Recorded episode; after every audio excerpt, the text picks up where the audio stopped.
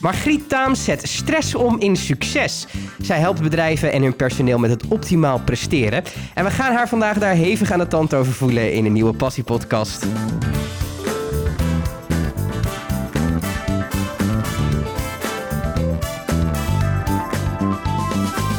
Margriet, tof dat je er bent. Ehm, ervaar je eigenlijk zelf veel stress? Laten we daar even mee beginnen. Nou, gelukkig een stuk minder dan vroeger. Ja? Is, Ja. Dat, is het eh, het klassieke geval dat je er zelf heel veel last van had en daarom dacht, ik ga eens kijken wat ik daarmee kan? Nee, ik ben nooit burn-out geweest. Ik heb wel heel veel mensen gezien die burn-out worden. En ik snap ook heel goed waarom mensen burn-out worden. Maar ik ben puur uit frustratie mijn eigen bedrijf begonnen. En wat Omdat- voor frustratie was dat dan? Nou, omdat ik gewoon zag dat er heel veel gedweld werd met de kraan open. Dat er heel veel prikjes, poedertjes en pilletjes werden uitgereikt voor mensen die gewoon geen leuke relatie thuis hadden. Of met een eh, werkgever. Ja, dan zijn een slimmere oplossing dan elke week naar de arts te gaan of een jaarabonnement bij de fysiotherapeut. En waarom is dat dan toch waar mensen altijd als eerst naar, naartoe gaan? Toch, toch die pil, toch naar de fysio, toch naar de psycholoog. Wat is daar dan het ding achter? Omdat dat een beetje is zoals we in Nederland met elkaar omgaan. Dus we eh, kijken naar onze lichamelijke klachten en daar hebben we een dokter voor. En als we een psychische klacht hebben, dan gaan we naar de psycholoog. En als we last hebben van onze ledematen, dan gaan we naar de fysiotherapeut. Bijkomend is ook nog eens een keer dat het betaald wordt. Dus ja, dat is fijn. Het is ook gratis. Ja, het is gratis. En daar zijn we ook heel Hollands natuurlijk. Ja, zeker. En hoe ben je op dit pad gekomen? Is dit al wat je deed eigenlijk na, meteen eh, na school, hup, dit doen? Of, of heb je daar ook tussenstappen in genomen? Nou, ik ben dochter van een huisarts. Ja. En die was 24-7 eh, voor de lokale bevolking actief. En daar zag ik eigenlijk wat ik later pas snapte. En daar zag ik mensen die dus inderdaad met allerlei zorgen en lachjes en kwaaltjes bij de dokter kwamen. En in 10 minuten een pil kregen, maar daarmee niet de oplossing kregen. En ik heb sociale zekerheidswetenschap gestudeerd. Toen kwam ik bij Capgemini en daar werd alles geautomatiseerd. Wat ook niet te automatiseren is. Want als een leidinggevende niet lekker functioneert. en de mensen zijn niet tevreden met wat ze doen. of ze zijn uitgegroeid. of ze zijn eigenlijk niet geschikt voor de job. Weet je, dan moet je iets anders doen. dan maar automatiseren wat niet werkt. Oude wijn in nieuwe zakken blijft gewoon bocht. Dat is toch niet te drinken? Maar je zit dus, eh Capgemini zit je dus in een bedrijf eh, waar wel eh, heel erg daarnaar wordt gekeken. Dat alles is op te lossen. Dat is toch het idee? Ja, en ik geloof niet dat dat zo is. In ieder geval niet altijd met automatiseren. Als mensen niet makkelijk met elkaar praten en niet lekker met elkaar functioneren, dan is het belangrijk om eens te kijken, joh, wat willen we hier? Waar staan we hier voor? Wat willen de klanten? En als je iets 20 jaar hetzelfde doet en de klanten willen dat niet meer, wordt het tijd om eens na te denken over je businessmodel. Maar automatiseren wat niet werkt, Dat is gaat lastig. niet werken. Nemen we dan te weinig tijd om te reflecteren op wat we doen? Ja, op het moment dat de waan van de dag regeert, is daar geen tijd voor. En dat is precies wat ik doe. Mensen stilzetten, na laten denken over wat belangrijk is. En daar gewoon eens eventjes heel goed over nadenken. Wat is mijn verschil wat ik maak? Is het dat we dat niet doen omdat dat eigenlijk heel eng is? Zeker. En wat is daar zo eng aan dan? Ja, dan zou je wel eens bij jezelf stil mogen gaan staan en dingen gaan zien waar je eigenlijk niet zo happy mee bent. Waarbij je inderdaad merkt dat het vastzit in je buik of in je nek. Of dat je er hoofdpijn van krijgt. Of dat je eigenlijk al wel heel lang stilstaat. En dat je dacht toen ik van de universiteit kwam of van de HBO... weet je, dat heb ik geleerd. En twintig jaar later kan ik dat nog steeds. Maar het past eigenlijk helemaal niet meer. Dan zou je misschien wel eens moeten veranderen. Nou, Ja. stel je nou dat er eens voor. Dat is best wel eng. En hoe help jij mensen erbij om daar dan toch in mee te gaan?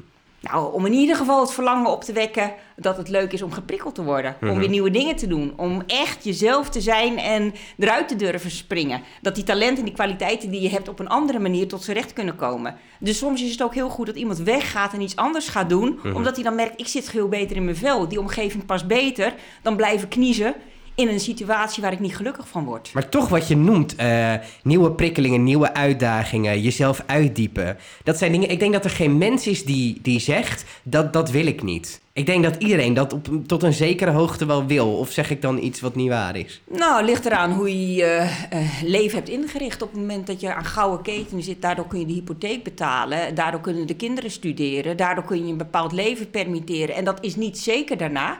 Ik zeg ook niet dat het helemaal niet zeker is dat het wel gewoon gecontinueerd kan worden. Want meestal kan dat namelijk wel. Maar mensen zijn vaak heel erg eh, gehecht aan de dingen die ze hebben. En dat is bepalend voor de keuzes die ze maken. En veel mensen blijven daardoor stilzitten. Maar je hebt natuurlijk ook mensen die misschien een stap ondernemen en daarna inderdaad de hypotheek niet meer kunnen betalen. Ja. Wat is belangrijker op je sterfbed? Dat je kunt zeggen, ik heb mijn hypotheek kunnen betalen... of ik heb gedaan waar ik in geloof. Ja. Ja, maar dat is heel, dat is, ik, ik snap wat je zegt, maar dat is natuurlijk, eh, het is best eh, lastig, in, ook in een land als Nederland. Als je hypotheek niet kan betalen, heb je wel echt een groot probleem. Nou, is dat zo? Zijn er zat mensen die huren? Ja, maar goed, als je die hypotheek eenmaal hebt, als je dat huis eenmaal hebt, dan, dan, dan heb je hem. Ja. ja, wat je daarmee zegt is een groot blok aan je been. Een groot blok van beton, dakpannen. Ja. ja, is zo. Het kan eh, stress opleveren. Ja, zeker. En dat is een mooi bruggetje naar, eh, naar wat is stress precies? Stress is iets wat je nodig hebt. Dus met stress op zich is helemaal niks mis. Een beetje spanning, een beetje druk. Dat helpt ons om het beste uit onszelf en uit anderen te halen. Maar als je helemaal eh, te veel spanning maakt. Dus je bent voortdurend ingespannen en dat slaat door in overspanning. En dat duurt maar door. En je krijgt steeds druk van anderen en dat wordt overdruk. Dan gaat het niet goed. En als je daar dus geen ontspanning tegenover zet en geen tegendruk geeft, dan ga je gewoon voor de bel. En dat noemen we een burn-out. Hoe, hoe herken je het, het punt dat stress niet meer gezond is? Wat, wat, is? wat is het omslagpunt tussen de stress die je benoemt, die eigenlijk best wel goed is, namelijk de stress dat je uit bed komt, dat je misschien net iets harder rent dan de rest om je doel te bereiken, en de stress waar het echt fout gaat? Nou, wat ik echt een van de woorden vind, is als mensen alleen maar moeten. Dus ze moeten dit, ze moeten dat. En je merkt het al aan hoe ze het zeggen, dat er gewoon geen enkele ontspanning meer in zit. Als mensen geen tijd meer hebben voor hobby's, en dat kom ik echt regelmatig tegen, mensen werkelijk een wenkbrauw optrekken. Hobby's, nou dat is lang geleden. En ook als mensen gewoon geen tijd hebben voor hun liefjes. Dus ja, dat werkt, dat gaat maar door.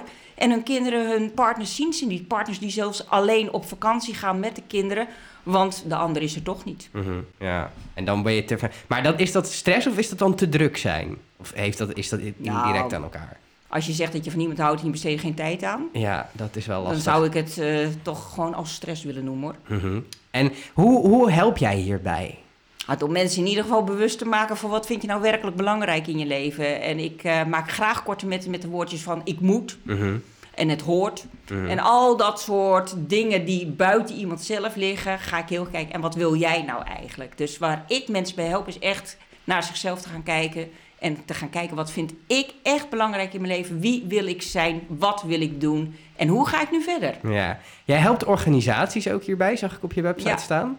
Ehm, wat ik nu een beetje van je hoor, is dat je soms tegen mensen zegt... eh, misschien moet je gewoon wat anders gaan doen. Jazeker. Eh, ik denk niet dat als een organisatie jou inhuurt... en jij gaat met hun beste mensen praten... eh, dat dat per se de uitkomst is waar zij op zitten te wachten. Nou Ja, dat is de aanname dat ik altijd met de beste mensen praat. Het is, je snapt mijn punt. Ja, weet je, als mensen mij inschakelen, dan is er iets aan de hand. Kijk, eh, als je vlotjes wil bouwen en samen wil werken, moet je dat vooral doen. Hè? Maar daar word ik niet voor gevraagd. Ik word gevraagd om echt organisaties beter met elkaar te laten functioneren. En soms zitten er mensen gewoon niet meer op de juiste plek. Soms kunnen mensen niet doorgroeien. Soms hebben mensen gewoon geen zin meer in hun werk. En dan is het voor iedereen beter dat dat heel helder wordt. En ik heb gewoon voor, voorbeelden zat waarbij van de 50 mensen 20 inmiddels verdwenen zijn. Zonder eh, juridische procedures. Zonder eh, dat ze boos zijn op elkaar. Maar gewoon echt op een hele prettige manier. Voor iedereen is het beter dat de wegen zich scheiden. En daardoor is er gaan stromen. Daardoor zijn jonge mensen eh, tot wasdom kunnen komen. Daardoor hebben andere mensen kansen gekregen. Maar er hebben ook een aantal mensen voor gekozen. Weet je wat? Mantelzorg is nu belangrijk. Ik heb een aantal andere dingen die veel tijd vragen. Ik wil gewoon minder werken. En daardoor kijken ze weer fris en fruitig uit hun ogen. Ja, dus het gaat er so- soms is het ook voor een organisatie goed als er bepaalde mensen weggaan. Ja, absoluut. Sommige mensen zitten anderen gewoon echt in de weg. Ja, en dan is het beter als je uit elkaar gaat. Ja, en als je dat open en transparant doet, hoef je dat dus ook gewoon niet met ruzie te doen. Hè? Dat kan te Nee. Ja. nee. Dan hou je nog steeds van elkaar. Ja, heel goed. Eh, ik, ik heb wel vaak het idee dat als, eh, dat als bedrijf of werknemer uit elkaar gaan, dat het toch uit het initiatief van één van de twee komt. En dat de ander dat soms vervelend vindt. Als dat zo is, dan is er vaak niet open en eerlijk gecommuniceerd. Ja. Het is eigenlijk net een relatie. Ja, klopt. Je, ehm, je zei net, nou ja, je, je vader was huisarts. Eh, heb je daar vaak gesprekken met hem over gehad? Want hij kijkt dan misschien wel heel erg met die medische kwinkslag naar eh, stress en naar Nou, Stop er dat- een pil in. Ja, nou ja, dat is heel apart. Mijn vader die eh, begreep ook nooit zo goed wat ik nou eigenlijk deed. En Mhm. ook dat dat best heel veel verwantschap heeft met zijn eh, werk. Mhm. Ik merk wel dat ik ook heel veel in de arbo-wereld en de reintegratiewereld actief ben geweest. Gelukkig snappen de artsen daar dan wel dat dit een belangrijke component is. Maar mijn vader is ook wel iemand gewoon van het eh, oude slag artsen. Hij Mhm. is inmiddels gepensioneerd. Was gewoon een hele goede arts. Maar mijn moeder was in de apotheek af, eh, actief. Samen waren ze de, zeg maar, de harde en de zachte kant. Ja, en dat ja, hebben ja. ze gebundeld. Nou, zit ook onder andere in mij. En wat ik eh, heel leuk vond wel, is ehm, dat mijn vader wel altijd hard had voor de mensen om zich heen. Dus ze stonden wel dag en nacht voor de lokale bevolking klaar. En dat vind ik wel heel belangrijk. Als je echt iets met mensen wil bereiken, is het belangrijk dat je er voor ze bent, dat je ze hoort, dat je ze ziet. En dat ze zich dus ook veilig en vertrouwd voelen om wat ze bezighoudt te vertellen. En dat vind ik ook wel heel belangrijk. Als je stress echt de wereld uit wil helpen, zorg dat dingen bespreekbaar zijn op de plekken waar het toe doet. Dus ook bij je werkgever, ook bij je medewerkers in je team, maar ook privé. Zodat mensen je kunnen helpen als je hulp nodig hebt. En dan kun je ook een dokter op een gegeven moment gewoon op een later plan zetten. Ja. Ehm, ik denk wel, nou ja, goed, je begon het gesprek al een beetje met automatiseren. En als je kijkt hoe de hedendaagse maatschappij is ingericht, eh, alles moet snel, eh, alles moet groter. ma- We zijn ook met veel meer mensen, dus er ontstaat ook een probleem. Ehm, die huisarts kan die functie eigenlijk niet zo goed meer vertolken. Nee, En, en kunnen we daar iets aan doen? Is het de reden dat we nu in zo'n stresssituatie zitten met z'n allen? Nou, ik denk wel dat huisartsen eh, steeds meer ook in maatschappen functioneren en ook in eh, dorpen steeds meer mensen om zich heen verzamelen die andere specialismen hebben. En dat het heel goed is dat gezondheidspraktijken ontstaan. Los van eh, het medische verhaal denk ik dat we echt veel meer mogen focussen op dingen zoals ik die doe. Dat dat echt tussen de oren van de directie, het management en ook het HR-stuk mag zitten. En dat dit echt een onderwerp mag zijn wat continu op de tafel ligt. En we hebben de Week van de Werkstress. De overheid heeft ontzettend veel geld wat ze daarvoor beschikbaar stellen. Gaan miljarden per jaar aan burn-outs eh, uit. Ik denk dat als we gewoon echt open en eerlijk met elkaar eh, communiceren van waar is dit bedrijf voor, wat verwachten we van onze mensen, wat kun jij daarin bijdragen en daar continu mensen in willen helpen ontwikkelen, zowel persoonlijk als professioneel, dat we heel veel stress kunnen voorkomen. En eh, het feit dat dit vaak niet helder is, niet uitgesproken wordt, maar wel de verwachtingen erover en weer zijn, dat geeft gewoon stress. Eigenlijk geef je aan dat er vaak in directies dat er niet zo over stress in het bedrijf wordt nagedacht. Nee, vaak wordt stress als een eh, zwaktebod ook gezien, ook sowieso van directeuren. En ik weet gewoon van heel veel directeuren dat ze stijf staan van de stress. Ja. Wordt er, is het een Nederlandse cultuur? Ook, je ziet het met die coronatijd nu natuurlijk ook een beetje. Dat een Hugo de Jonge, die roept in zo'n persconferentie... eh, ja, wij Nederlanders, wij zijn opgevoed met als je een klein be- beetje... als je snottert of als je... dan ga je gewoon nog naar je werk toe. Want wij houden vol, wij Nederlanders... eh, wat we voelen boeit niet, we, we werken door, we knallen door. Zit de Nederlandse cultuur daarin gewoon heel erg in de weg? Ja, voor een deel wel. Dus doorgaan terwijl je het niet trekt is gewoon heel erg ongezond. Aan de andere kant hebben we ook wel eh, sterk de neiging om ons kop niet uit maaiveld te durven steken. En daardoor zijn ook heel veel mensen onder hun kunnen bezig. Dus als we het hebben over eh burn-outs, aan de andere kant heb je de bore-out. Er zijn ook gewoon heel veel Ja. mensen die komen niet aan het trekken, omdat ze in feite gewoon te klein gebleven zijn voor zichzelf of door de omgeving. Ja, dat schiet ook niet op. Ik heb ooit een keer een onderzoek gelezen dat burn-outs heel vaak voorkomen ehm, bij mensen die een beroep uitoefenen waarvan ze eigenlijk diep van binnen weten dat, dat wat ze doen niet zo heel veel toevoegt aan de organisatie. Oh, dat weet ik niet. Ik geloof wel dat als jij het idee hebt dat je weinig zinnig bezig bent of je weinig zingeving hebt, dat dat niet helpt. Ik geloof er echt in dat elk mens eh, de meeste bekoring haalt uit zinnig, nuttig, bezig zijn, ertoe doen, het verschil kunnen maken. Dat is eigenlijk precies wat ik probeer te zeggen. Want er zijn ook heel veel mensen die misschien wel 100 uur per week werken, die niet in een burn-out raken. Omdat ze eh, iets doen wa- waar, waar ze lekker op gaan, waar ze ook merken dat het iets toevoegt. En dat is eigenlijk mijn vraag aan je. Herken jij dat? Ja, dat is absoluut zo. Als je iets doet wat je leuk vindt. En je kunt je ziel en zaken, weet je, dat, dat geeft zoveel energie. Dat kost geen moeite. Dat voelt alsof je met een hobby bezig bent. Ja. En, dan, en zeg je dan dat het goed is? Want je zei net, nee, je moet ook tijd hebben voor hobby's. Ook tijd voor ontspanning. Die mensen hebben misschien geen tijd voor ontspanning. die voelen waarschijnlijk die tijd wel als ontspanning. En als ze Ja. slim bezig zijn, dan hebben ze natuurlijk wel heel veel mensen om zich heen verzameld die gewoon met diezelfde flow meegaan, die dat zelf net zo leuk vinden. Mhm. En ook wel een omgeving, daar geloof ik ook in. Hè? Als je wil excelleren op een bepaald punt, is het wel belangrijk dat je omgeving daarin meeneemt. En als je een rupsje nooit genoeg bent en je wil superwoman zijn, superman, en eh, in de besturen en in de verenigingen en in topsport en noem het allemaal op. Nou, ik word op bek af als ik het zo formuleer. Dat gaat natuurlijk helemaal niet lukken. Daar zul je wel jezelf in moeten Ja. disciplineren en ook doseren met een S. Anders kom je toch op dat punt dat je partner denkt, waar, waar, de, waar de fuck ben je? Wie, wie ben jij? Wie is die man of die vrouw die af en toe binnenkomt lopen? Ehm, hoe kijk je tegen mindfulness aan? Ik geloof dat het heel belangrijk is om mindfulness oefeningen te doen, daar eh, bewust mee bezig te zijn. En dat kan ook op heel veel verschillende manieren. Ik denk wel dat iedereen voor zichzelf moet kijken. Op welke manier kan ik mindful bezig zijn? En daarmee bedoel je, je hoeft niet in kleermaker zitten op je, bek, op je bed te gaan zitten. Wat, wat, wat zijn daar andere suggesties voor? Nou, ik ben zelf iemand die bijvoorbeeld eh, heel erg eh, mindful wordt door hard te lopen. Hmm, ja. Dus ik eh, heb meer mijn ontspanning in de inspanning in het fysieke Mhm. dan dat ik op een mat ga zitten. zitten. Ja, en dat, dat moet gewoon zijn hoe je past en hoe je bent. En Ja, dat is heel belangrijk dat iedereen dat ook voor zichzelf uitvogelt. als iemand met jou praat op professioneel gebied, hoe lang duurt het voor jou om door te hebben hoe iemand een beetje in elkaar zit? Nou, heb ik meestal in vijf minuten in de gaten. En waar, waar zie je dat dan aan? Teachers. Ik zie het niet, ik hoor het. Ik hoor het aan de woorden hoe ze eh, praten, de formuleringen die ze gebruiken, het soort woorden wat ze dus eh, regelmatig laten terugkomen en ook hoe ze daar dan bij kijken. Maar het is wel heel belangrijk van de wijze waarop ze redeneren en praten over zichzelf en over hun omgeving. Dat geeft gewoon een heel groot beeld van ben je in control over wat je zelf wil en leid je je leven met een korte ei of ben je aan het leiden met een lange ei. Heel mooi. Ehm, hoe, hoe ehm, als je een gesprek aangaat met iemand en diegene, eh, je merkt aan diegene dat hij het moeilijk vindt om eerlijk tegen jou te zijn of om zijn echte verhaal te vertellen, wat doe je dan? Dan zwijg ik En dan, En dan vraag ik op een gegeven moment ook van, joh, vind je dit lastig? Dus ik benoem wat ik zie. mhm.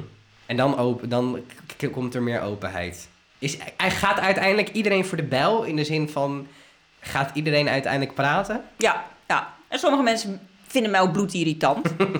en dan vraag ik ook waarom dat dan zo is. En ik weet ook van, ik ben niet voor iedereen geschikt. Als je niet van een eh, doel- en resultaatgerichte aanpak houdt, nou, van een fluwelen handschoen, dan verwijs ik je graag door naar een ander. Ja. Daar ben ik niet van. Mhm. Maar de mensen die van klare taal houden, van een eh, aanpak die ergens over gaat, ja, die vinden het heerlijk. En die vinden het ook gewoon heel fijn dat ik heel snel de kern van de zaak. Want dan kunnen we het erover hebben. Ja. En ja, dat is net als naar een arts als je eentje heeft die continu een gaasje op je bloedende kies legt. Ja. Terwijl die er eigenlijk uit moet. Ik denk dat je blij bent dat hij in één keer getrokken Dat hij wordt. een keer getrokken Het doet even iets meer pijn, maar je hebt er uiteindelijk veel meer aan. Ja, en mensen willen wel van problemen af, is mijn ervaring. Ja, maar toch kan het soms ook zijn als je voor een organisatie werkt, dat die organisatie op een gegeven moment roept: yo, eh, het zou goed zijn als je met haar in gesprek gaat. Dan is het misschien niet altijd een keuze om met jou in gesprek te gaan.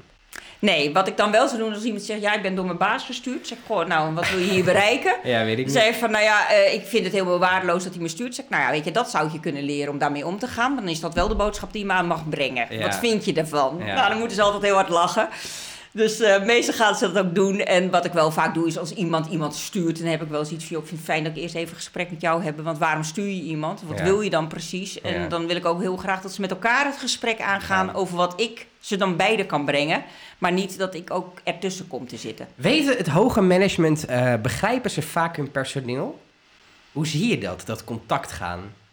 Nou, soms hoor ik wel eens dingen en dan denk ik van, nou, ik ben heel benieuwd hoe het personeel daarover eh, naar kijkt. Dus dan vind ik het ook heel fijn om een eh, teamsessie te doen en Ja. dus met een groep in de weer te gaan. Mhm. En dan ook eens even te kijken van, joh, hoe kijken jullie naar dingen? En dan komen er vaak wel andere dingen tevoorschijn. Mhm. Maar dat is niet helemaal een antwoord op mijn vraag. Mijn vraag is meer een beetje: eh, merk je eigenlijk dat management en personeel vaak eigenlijk niet zo goed met elkaar bezig zijn en ook elkaar niet zo goed kennen?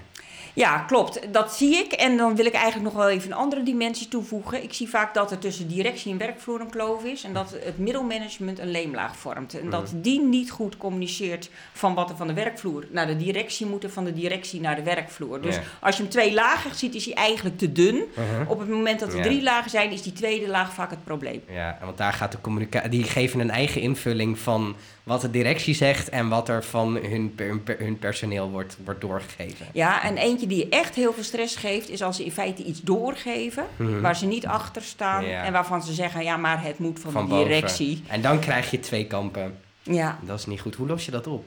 nou, door bespreekbaar te maken dat het heel erg onhandig is om een klapluik te zijn. Zijn- ja. En dat het handig is dus om een standpunt in te nemen. Waar ga je voor? En als je Mhm. het niet eens bent met de directie, dat het dan handig is om ook aan te geven waarom je het niet eens bent met de directie. En dat de directie die boodschappen ook nodig heeft. ja. Wat maakt jouw werk zo leuk? Door dit te kunnen doen, door al het zand uit de motor te halen, te zien dat mensen weer met passie en bezieling bezig zijn, dat mensen die vastzitten en iets anders willen, iets anders gaan zoeken en dat dat zonder gemor en gezeur gaat. Maar weet je, alle traagheid, alles wat eh, stroperig is, dat gaat eruit. De mensen krijgen weer passie en energie en plezier. Ja, daar doe ik het voor. Je bent geen fan van bureaucratie, hè? Nee, Dat is heel duidelijk. Je praat er met een hoop passie over, dus dat is heel goed. Waar sta je over vijf jaar? Wat wil je graag nog bereiken? Laten we het nu heel persoonlijk eindigen. Ja, wat ik dan graag wil bereiken is dat er in eh, veel grote organisaties mensen zijn die wat ik anderen train kunnen, zodat ze het zelf met een organisatie kunnen doen. Ik wil graag meer coaches en trainers in mijn werkwijze opleiden, zodat Nederland uiteindelijk uit de taboesfeer komt van stress en veel meer succes gaat ervaren. Heel mooi, dankjewel.